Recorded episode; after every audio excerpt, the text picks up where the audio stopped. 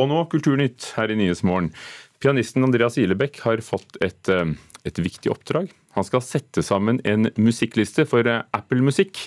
Og denne listen heter Piano Chill og har flere millioner lyttere. Strømmetjenestenes eh, spillelister er blitt veldig populære, og dermed er det også blitt et av de viktigste stedene for artistene å være. Så dette er et stykke som heter Procession. Det er jo rett og slett et, et vindu ut til utrolig mange mennesker.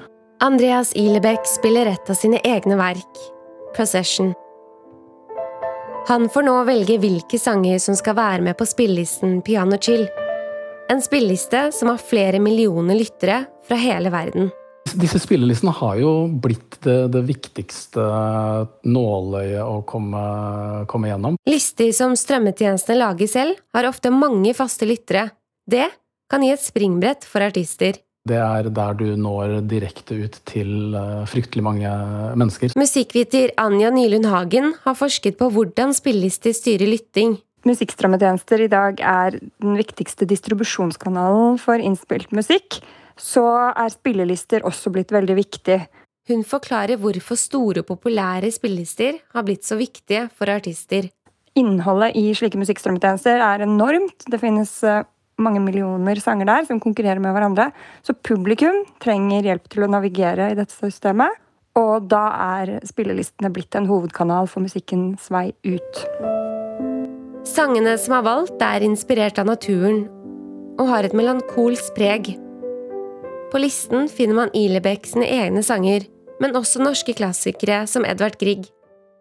Nå, nå trenger jo ikke akkurat Grieg noe, noe drahjelp uh, i disse dager, men jeg syns det, det, var på sin plass å ha med, ha med et, et, stykke av Grieg også. Nylund Hagen mener at dette viser at strømmetjenestene velger hvilke sanger som blir synlige. Det bekrefter det som noen andre forskere har kalt den kuratoriale vendingen i strømmetjenestene. Og hva betyr det? Det betyr at strømmetjenestene som mellomledd også har stor definisjonsmakt for hvilken musikk som lykkes eller ikke lykkes ut i markedet. Selv om listen har mange lyttere, er det likevel ingen garanti for suksess. Så hvis man ikke havner inn på de rette listene, eller ikke blir prioritert, så, så kan man lett også falle gjennom i dette samme systemet. Og det vil man jo ikke. Reporter var Aida Korami. Musikkviter ved Universitetet i Oslo, Per Ole Hagen, eh, velkommen til Nyhetsmorgen. Takk skal du ha. Du, Er det virkelig sånn at spillelister eh, på strømmetjenester eh, har blitt det viktigste? Det har jo endra seg siden eh, tidligere år, hvor eh, radio var regnet som det viktigste stedet for å, å vise fram musikken sin. Og også det som platebransjen regner som det viktigste stedet for å ta en kjøpsbeslutning om musikk. I dag så tar man ikke så mye kjøpsbeslutning, man, eh, man hører på strømmetjenester, og, eh, enten gratis eller med et abonnement. Men eh, spillelister har mer og mer tatt over for det å bare finne musikken sjøl via, via spillelistene, eller via strømmetjenestene. Og det er jo en endring fra, fra tidligere, ja. Nå nevnte du radio, og du er eh, også tidligere musikksjef i eh, NRK P1. Mm. Hvordan vil du si at dette skiller seg fra radioen, da? Ja, det, det, er jo interessant, fordi at når strømmetjenestene kom, i altså Spotify fra 2009 og også utover, så, så var jo det som et sånt eh, koldtbord hvor, eh, hvor, du måtte leite etter den musikken du, eh, du likte. Eh, eller du var interessert i å finne. Mens mer og mer har strømmetjenestene tatt over og, og ble, og, altså med en, en, redaksjonell profil og redaksjonelle valg. Og spillelisten er jo eksempel på det. Enten de er algoritmestyrt eller kuratert, sånn som Andreas Ilebekk eh, sin eh, spilleliste nå. Og da blir Det er kuratert, altså satt sammen? Ja, altså satt sammen at noen, noen eh, gjør valg eh, altså noen mennesker, mens algoritmestyrt, da er det algoritmer altså, som, som, styrer ut fra hva du selv liker, eller hva, hva, folk liker. Og Det gjør jo at skillet mellom det du kan si en reduksjonelt styrt radio og spillelistene, eller spille... Eh, hva skal jeg si, strømmetjenestene, den blir etter hvert eh, mindre og mindre, syns jeg. Men Er det noen fordeler, da? Eller er det ulemper, eller hvordan ser du på det? Det spørs vel hvor du ser det fra. Altså Hvis du er en artist som kommer med på, på de, de, interessante og viktige spillelistene, så er det klart at du har en fordel eh, ved det. For da får du en synlighet eh, ved alle de som abonnerer på disse listene. De blir eksponert for din musikk. Eh, det er jo eh, Nå vet jeg ikke hvor mange millioner låter det er på Apple Music og på Spotify, men det er utrolig mye. Og av det så er det en ganske stor andel som aldri er blitt spilt. Sånn at det å, det å komme på en strømmetjeneste er ikke noen garanti for å bli spilt, og da er spillelistene måten å komme på. Ulempen eh, mener jeg er jo det at spillelister har en Altså Det er noe du hører på, du, og eh, Spotify og Apple Music er ikke noe flinke til å eksponere artistene som sådan. sånn at artisten, og ikke minst de som lager musikken, opphaverne, de blir jo veldig anonymisert gjennom disse systemene. Ja, At alt bare går og går ja, og går? Ja, det går og går. og folk, folk, får ikke sånn at, eh, sånn at det artistene gjør Nå må de jo bygge opp identiteten sin og kjennskapen via andre medier. Og Det er nok også en forskjell fra tidligere. Og Om det er godt eller dårlig, det skal ikke jeg si noe om. Men det er en, det er en ganske stor endring. Mm. For lytterne tror jeg det er veldig fint å ha spillelister, og, men jeg mener en ulempe er at det blir et, etter hvert et ekkokammer. Du får det du liker. Ja, For det blir vanskelig å oppdage ny musikk? Ja, og du får ikke nødvendigvis det eh, altså du blir ikke eksponert for noe som du ikke liker. Eh, du, du, og, og det, det, mener jeg er veldig sånn eh, negativt. At uh, interessen for å prøve å finne noe nytt som er annerledes, ikke bare som ligner på det du likte før, er, den blir mindre og mindre. Og Det er nok forskjell fra måten radio jobber, hvor den på en måte tvinger inn ny og ukjent musikk. Hvor vi blir utfordra på det vi ikke ja, kjenner fra ja, før. Sant? Ikke sant? Ja.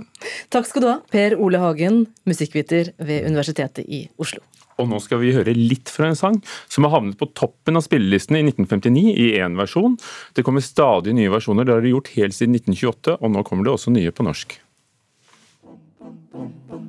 Ja, for haien, han har tenner midt i fjeset. Lett å sjå. Og McKeith han har ein kniv, men den får ingen auge. Moritat om Mackie-kniven, Mackie Messers mordballade fra Tolvskillingsoperaen av Bertolt Brecht og Kurt Weil. Premieren var i 1928.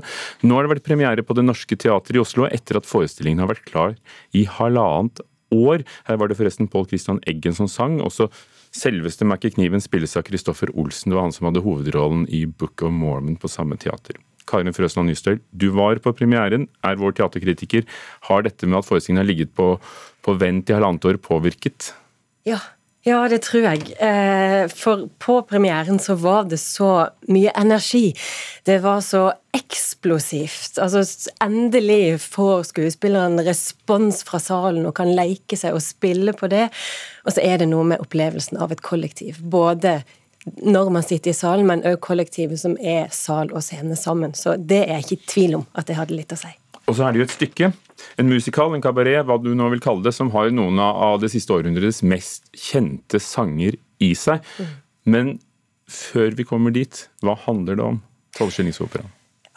Enkelt sagt kampen om tilværelsen. Altså, dette er musikkteater om forskjellene i samfunnet, om urettferdigheten i, i samfunnet. Det er sentrert rundt Mekke-kniven, skjevskriminell og skurk. Han, eh, han, ordner seg egentlig greit, for han gifter seg med dattera til konkurrenten, på en måte. Altså han som organiserer all kriminalitet i byen. Samtidig som han har et forhold til dattera til politimesteren, og innfinner seg til stadighet på bordellet. Altså, I forestillinga er han jo medlem av støttegruppa for sexavhengige. Han går med en T-skjorte der det står på, da. Av ulike grunner så skal Mekke-kniven tas, og det, der blir han blitt tatt opptil flere ganger mens han er på bordell. Men det det handler om, er jo òg mye om moral. Altså, når man er sulten, når man ikke har det bra, eh, hvordan lever man da? Hva gjør man for å klare seg sjøl? Regissør Tore Magnlid Lid har eh, tatt seg noen friheter. Ja, han har satt hele operaen inn i en ganske nær framtid, der menneskene har blitt overflødige. Eh, mer og mer erstatta av roboter. Fortelleren er f.eks. en vaskerobot som durer rundt og snakker. Eh, og på bordellene så overtar sexdukker jobben til de prostituerte, og forestillinga spør hva er et menneske i en sånn sammenheng. Så er det òg mye kapitalismekritikk, som det òg er hos Brecht. Her bl.a. vist gjennom en havarert Vy-buss. Eh, NSB og Nettbuss gikk jo sammen og ble Vy, og her står det altså en helt eh, kollaps av Vy-buss som et veldig viktig moment på scenen, der mye av handlinga utspiller seg. Og så handler det om natur, allemannsretten, eh, kapitalen som ligger i å eie natur.